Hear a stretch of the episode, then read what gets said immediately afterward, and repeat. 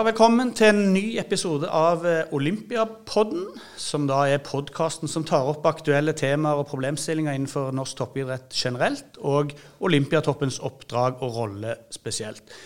Bak mikrofonen er som vanlig fagsjef i Olympiatoppen, Else Marte Sørli Lybekk. Hei, hei. Hallo, Halvor. Og så er det undertegnede, Halvor Lea, som er kommunikasjonsansvarlig i Olympiatoppen. Og Else Marte, det har jo vært eh, koronapause i eh, Olympiapodden, men nå kribla det såpass at vi fant ut at det var på tide å lage en ny episode. Og i dag så har vi et veldig spennende tema, og det er vel kanskje spesielt for utholdenhetsutøvere. Ja, I dag skal vi snakke om Olympiatoppens reviderte intensitetsskala for utholdenhetstrening. Eh, vi har hatt en faggruppe som har jobba litt med den nå en halvannet års tid, for å se på om den kan forbedres og videreutvikles. Eh, og nå skal vi mm, se litt på hvor status er på den, og hvor veien går videre. Eh, med oss har vi da fagkonsulent i eh, utholdenhet, Sondre Skarli, som har vært prosjektleder for arbeidsgruppa som har videreutvikla skalaen. Og så har vi òg med oss Thomas Losnegard, som er fagansvarlig for utholdenhet ved Olympiatoppen. Han har òg sittet i denne faggruppa. Også I tillegg har Ida Svendsen og Gøran Paulsen òg vært i den, eh, i den, gruppa. Først til deg, Sondre Skarli. Eh, litt sånn intensitetsskalaen for dummies. Hva er intensitetsskala? Intensitetsskala det er jo eh, et mål som vi bruker for å kategorisere intensitet, altså hvor hardt du trener.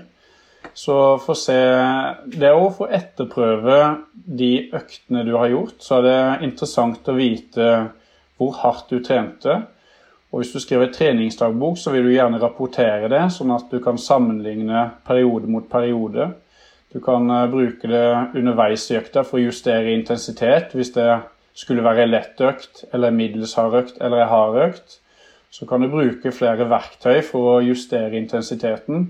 Og De verktøyene er jo noe av det sentrale som ligger i, i skalaen. Der har du ting som hjertefrekvens, laktatverdier, opplevd anstrengelse, fart, effekt, watt osv. Så, så grunnen til at en bruker en intensitetsskala, det er jo for å kunne etterprøve de øktmodellene du gjør, og for å kategorisere de. Og for vi som jobber her på Olympiatoppen, så er det jo ekstra interessant å kunne sammenligne utøvere mot utøvere og idretter mot idretter, slik at vi kan lære det beste og, og forhåpentligvis uh, klare å gjenskape suksess. Men òg å kunne rette på de gangene det ikke har gått så bra som det en skulle ønske. Du sier at uh, vi fornyer skalaen for å bli mer fleksible og for at den skal bli mer anvendbar. Hva betyr det? Det betyr at vi nå har videreutvikla den skalaen som har vært i uh, rundt 20 år. Vi har eh, fortsatt åtte soner, så vi eh, praktiserer den på mange måter likt, men vi har videreutvikla den i den grad at den har blitt dynamisk. Vi har låst hjertefrekvens og sone der på de fem aerobe sonene, mens vi kan justere og legge til andre verdier, sånn som eh, fart, watt. For syklister så er det veldig naturlig å ha watt. For en svømmer så er det tidene i bassenget, eller for en skøyteløper rundetider på banen, og en friidrettsutøver ofte minutt på kilometeren osv. Så sånn har lagt inn en del eh, ekstra, ekstra verktøy å jobbe ut ifra. For jo flere verktøy du har å støtte deg til, jo større sjanse er det kanskje for at du treffer. Hvis du bare f.eks. kun bruker puls som eneste indikator til å styre intensiteten, så er det jo fort gjort at, uh, at det kan gå i noen feller. For det at alle verktøyene har sine styrker og sine svakheter. Så det er først når du klarer å bruke de opp mot hverandre få et helhetsinntrykk, det er da du står uh, best stilt til å ta en vurdering ut ifra hvor du står. Så det vi har gjort nå, det er at vi har lagd ei nettside som uh, du kan plotte inn din makspuls, så vil den regne ut soner for deg. Du har en del åpne felter som du selv kan fylle inn eh, varighet for utviklingsøkter, altså planleggingsverktøy for de forskjellige øktmodellene, og en del andre ting. Og Der er det viktig at de eh, er justerbare. For det at en øktmodell for en som driver mellomdistanse i løping, vil f.eks. være ganske annerledes enn en syklist som konkurrerer over 6-7 timer. Så der bør det være litt fleksibilitet og mulighet til å tilpasse best mulig for hver enkelt idrett. Sondre, det er jo litt forskjell på bevegelsesformer her òg. Det er jo forskjell på å løpe nedoverbakke og oppoverbakke og, og sykle og padle. Ja, absolutt. Eh, det, det, er noe som de fleste bør tenke på. for eh, Ofte når en definerer treningsbelastning, så snakker en jo først og fremst om uh, intensitet og varighet som to viktige parametere. Men det med bevegelsesform er òg en veldig vesentlig faktor her. og Derfor kan en ikke alltid stole på de tallene en får, uansett om det er hvis du løper i nedoverbakke som du illustrerer, så, så vil det f.eks. Eh, du kan løpe på en gitt hjertefrekvens som er ganske lav. Du kan ha lav laktat, og du kan ha veldig lav opplevd anstrengelse, for det føles veldig lett å løpe nedover. Men den muskulære belastninga er jo veldig tung, for du får en, en eh, stor mekanisk belastning og stort stor eksentrisk belastning, som gjør at restitusjonstida der vil være vesentlig lengre enn om du gjør tilsvarende varighet og intensitet på, basert på hjertefrekvens eller opplevd anstrengelse i f.eks. Eh, sykling eller svømming. Slik at uh, bevegelseform det er absolutt noe som uh, en må vektlegge og ta hensyn til når en planlegger økter. Det er ikke bare, det er ikke bare varighet og intensitet. Dere har delt inn i fire kategorier i denne skalaen.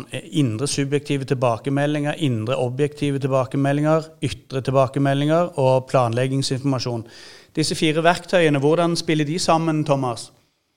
Ja, det er jo sånn som Sondre nevnte, at uh, man vil jo bruke disse uh, verktøyene litt ulikt fra idrett til idrett, kanskje, og også mellom ulike intensitetssoner.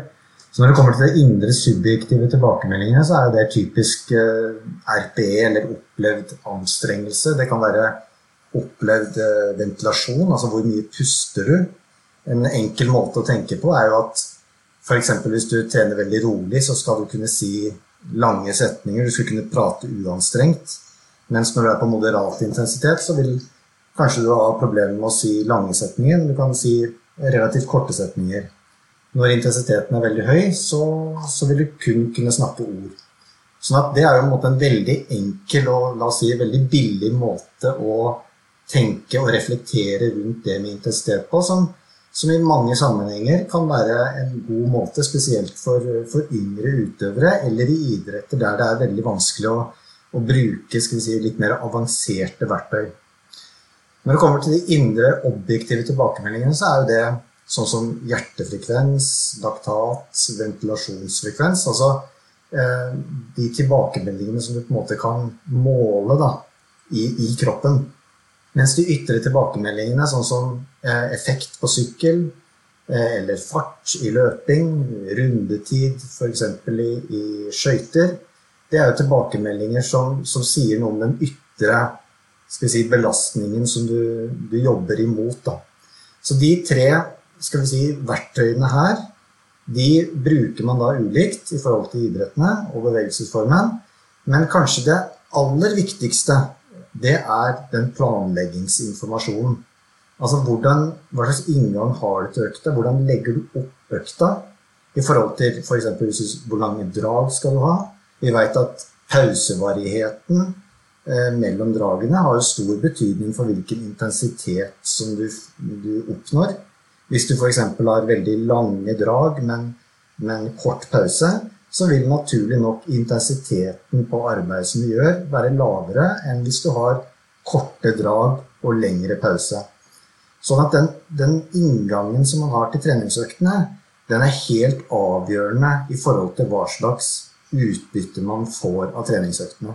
Og et veldig viktig verktøy for trenere og kanskje spesielt for utøvere som er i, i utviklingsfase, og som trenger å på en måte eh, både trene på øktene, men også trene på å kunne planlegge øktene godt for å få et veldig godt utbytte av, av øktene. Du sier hjertefrekvens eh, inn mot eh, disse kriteriene. og Det som går på hjertefrekvens, det er vel veldig avgjørende å, å ha god kontroll på hva som er maks hjertefrekvens. For vi vet jo f.eks. at det kan være forskjellig måling på det om man tester det på sykkel eller om man tester det på løp. For hjertefrekvens maks er avgjørende her. Absolutt. Og dette er jo noe av utfordringen også med å bruke hjertefrekvens. Det er jo den maksimale hjertefrekvensen. Og selv innad i samme person så kan jo maksimal hjertefrekvens variere ut ifra hva slags bevegelsesform man har. F.eks. i langrenn så vil man typisk oppnå kanskje fem, seks, sju slag lavere maksimal hjertefrekvens i staking enn det man gjør f.eks. i løping. Og det gjør jo at dette bildet med hjertefrekvens blir enda mer komplisert. Og det å bruke hjertefrekvens som et veldig sånn nøyaktig mål på intensitet er i mange sammenhenger eh, utfordrende og kan kanskje også i enkelte sammenhenger gi feil si, svar til utøverne. Eh, så en god kritisk refleksjon rundt når kan man bruke hjertefrekvens, det er veldig sentralt. Og det er jo også sånn at Så lenge man holder på si, mer kontinuerlig arbeid, så kan hjertefrekvensen være et veldig godt mål. Mens hvis f.eks. hvis man er stor endring i intensitet i økta, f.eks. en fotballkamp eller en håndballkamp eller på ski, så gjenspeiler nødvendigvis ikke hjertefrekvensen det arbeidet som du faktisk gjør. Jeg tror det Thomas sier der er veldig viktig å ha med seg. og for uh, En veldig anerkjent idrettsforsker, Steven Saylor, pleier å bruke modellen The Holy Triangle og The Holy Triangle det er jo da å ta hensyn både til uh, ting som hjertefrekvens og laktater det, som én del. En annen del vil være den opplevde anstrengelsen. Og en tredjedel vil være fart eller watt. Når du klarer å se de opp mot hverandre, så står du veldig godt rusta til å ha en god totalvurdering i forhold til om du bare tar én enkeltverdi og baserer deg på den. Det tror jeg jo kan være en utfordring i en del idretter. At de kan basere seg veldig mye på ytre belastning, som vil være da watt eller fart eller rundetid. Det er veldig viktig, men, eh, men jeg og Thomas kan òg dra ut på sykkeltur sammen. Og vi kan ligge side om side på sykkelturen og ligge på 250 watt begge to. Men eh, den indre belastninga, som egentlig vil være det som avgjør utbyttet av den økta, den kan være vidt forskjellig på meg og Thomas. Det, vi kan ligge på nøyaktig samme ytre belastning, men det er ikke bare det som betyr noe. Og en har òg en del ting som påvirker den ytre belastninga. Du har jo En kan ligge på en eh, wattverdi eller rundetid i lavlandet, men er du i høyden, så, så bør du jo kanskje tilpasse. Er det veldig varmt ute, så eh, drar du til eh, sydligere strøk, og det er annerledes klima, så vil det òg påvirke. Sånn at jeg vil jo uh, sette en liten advarsel mot de som baserer altfor mye på, på, den ytre belastninga. Men uh, den er absolutt veldig viktig å ha med, og kanskje spesielt på de konkurranselike øktene. Så, så vil den kanskje være, ha enda større fokus enn på f.eks. rolige økter. Og, og, kanskje i noen tilfeller kan det være viktig, viktigere inn mot uh, konkurranseperioder enn i forhold til oppkjøringsfaser, hvor du kanskje kan legge enda mer vekt på opplevd anstrengelse og, og litt mer hjertefrekvens og laktat osv. Men Sondre, for meg som ikke er eh, fra en utholdenhetsidrett, så høres det, her ganske komplekst ut. Og det, jeg kan jo tenke meg at det kan virke komplekst for de som eh, er utafor det her i og som ikke kjenner det så godt som dere gjør. Eh, hvilke råd vil du gi til eh, trenere og utøvere da, for at de skal eh, bli kjent med verktøy og kjent med seg sjøl? For det er jo noe med å, å lære både verktøy og seg sjøl å kjenne, sånn at de kan bruke det her i praksis til å bli bedre. Jeg tror at en av de viktigste tingene vi har fått inn på den reviderte intensitetsskalaen, er jo det der med opplevd anstrengelse. At en legger enda større vekt på på det å bli i stand til å styre intensitet basert på hvordan en føler seg. Og Det ser en òg veldig mye publiserte data på, bl.a. på syklister fra Tour de France. Hvor det er en nederlender som heter Taun van Erp, som samla inn eh, over 11 000 treningsøkter på proffsyklister og konkurranser. Og så det opp mot f.eks. Wattverdier, opp mot hjertefrekvens og opplevd anstrengelse. Der en så at det å styre etter opplevd anstrengelse, det fungerte veldig bra og er egentlig et veldig godt mål på intensitet.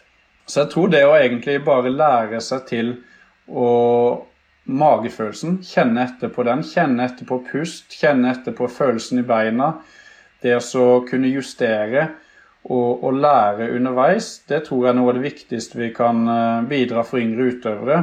At ikke de bare låser seg verdier. For det at alle verdiene de har sine styrker og svakheter. Jeg kommer til å ta litt kjapt, nå skal jeg ikke gjøre det for avansert igjen, men vi har jo en dagsvariasjon på hjertefrekvens f.eks. Det kan gjerne være 6, 7, 8, 9, 10 slag.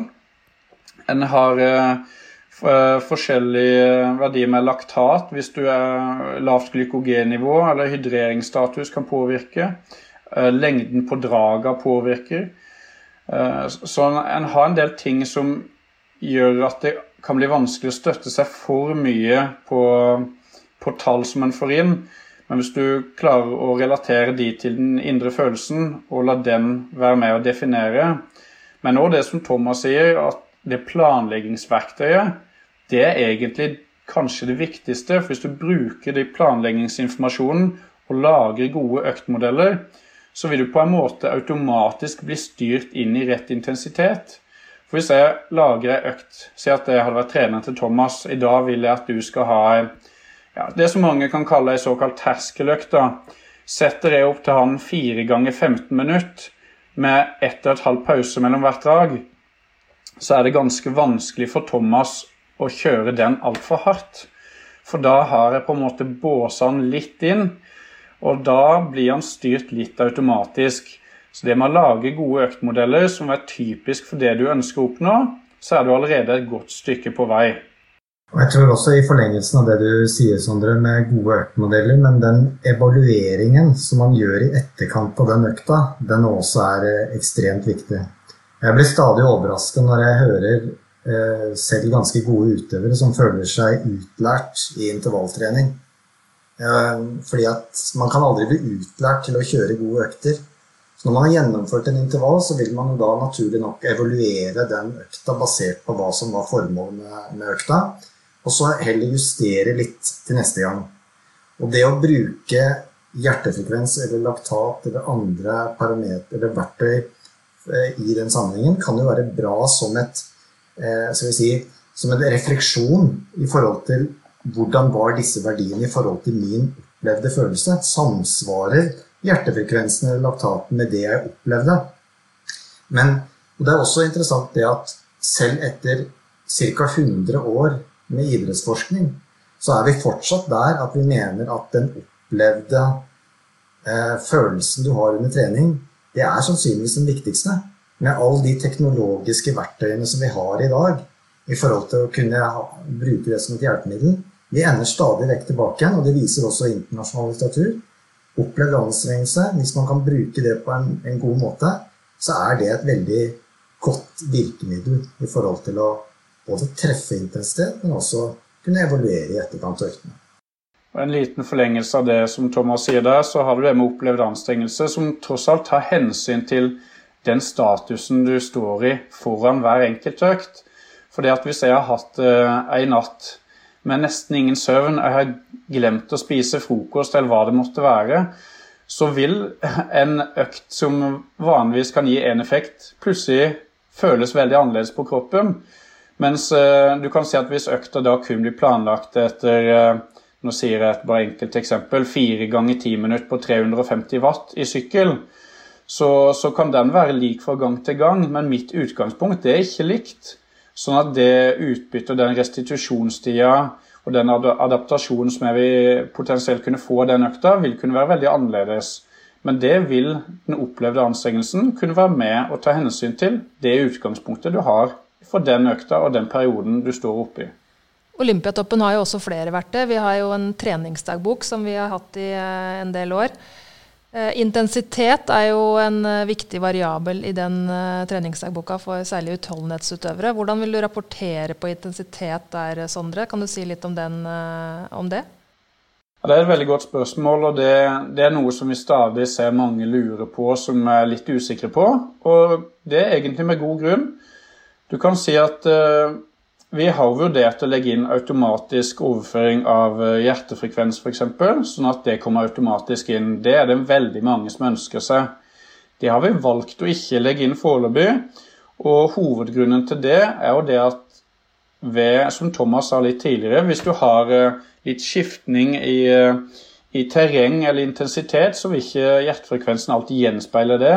Og på mange typer intervalløkter eller høy intensitet så vil du kunne underrapportere intensiteten du faktisk har gjort. Så det jeg anbefaler de utøverne som jeg jobber med, og de lagene som, som jeg diskuterer det her med, det er jo egentlig å se på en helhet. Så se på øktmodellen. Hva slags øktmodell var det? Og prøve å kategorisere den deretter. Da må du ta med Se på helheten. Hva tok du hjertefrekvens underveis? Tok du noen laktattester underveis? Hvordan var den opplevde anstrengelsen? Hva var vatt eller fart eller rundetid? Og så se på det som en øh, helhet og vurdere deretter. For så kan jeg jo gi et eksempel hvis du kun overfører etter øh, puls. Si at en utøver gjør ti ganger ett minutt på, ett minutt av på veldig høy intensitet. Si at det skal være i sone fem-økt.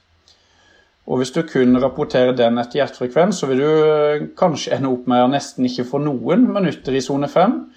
Og hvis du da kun rapporterer den etter hjertefrekvens, så vil du kunne rapportere den økta i dagboka som at du ikke har gjort ei sone 5-økt, men kanskje veldig mye i både sone 2, sone 3 og sone 4. du vil underestimere. Når du da skal se på statistikkdelen over en gitt periode, så vil du ikke kunne se den intensiteten du egentlig har gjort. Og Derfor er det så viktig å, å ta en vurdering ut ifra det som var planlagt, hvordan det føltes, og de svarene du fikk underveis i økta, og gjøre en samla vurdering der. Og så må du bruke litt skjønn. Eh, vi snakker om disse ulike parameterne og opplevd eh, anstrengelse. Men hva om planen er feil? For dere snakker jo om planleggingen av disse øktene. Og hva om man rett og slett har lagt en feil plan? Hvordan spiller skalaen inn da?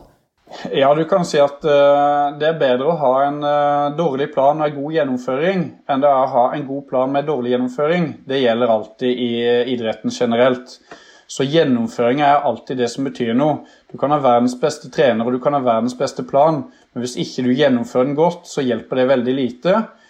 Og, og det er jo noe vi ser med de beste utøverne, at de er ofte de som er flinkest til å, til å klare å gjennomføre øktene òg at uh, det er ikke alltid planen trenger å være så fiks faks og veldig avansert, men med en god utførelse, godt fokus, god teknisk utførelse, god taktisk utførelse og, og god kontroll på intensitet ut ifra hva som er hensikt med den økta den perioden, så kan du få en veldig god gjennomføring selv om det ikke nødvendigvis har vært den beste planlegginga i forkant. Men det er klart en ønsker jo i utgangspunktet alltid både en god planlegging og en god gjennomføring basert ut ifra det som var målet. Da. Men, eh, men en, det er jo også sånn at det er ikke alltid en vet hva som er det beste i toppidretten. Vi som er trenere og sånn, har jo ofte en idé om hva vi tenker og ønsker for en gitt periode og fra gitt økt.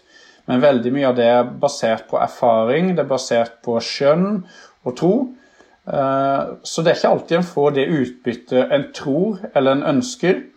Men da er jo det som Thomas nevnte litt tidligere, med evaluering veldig viktig.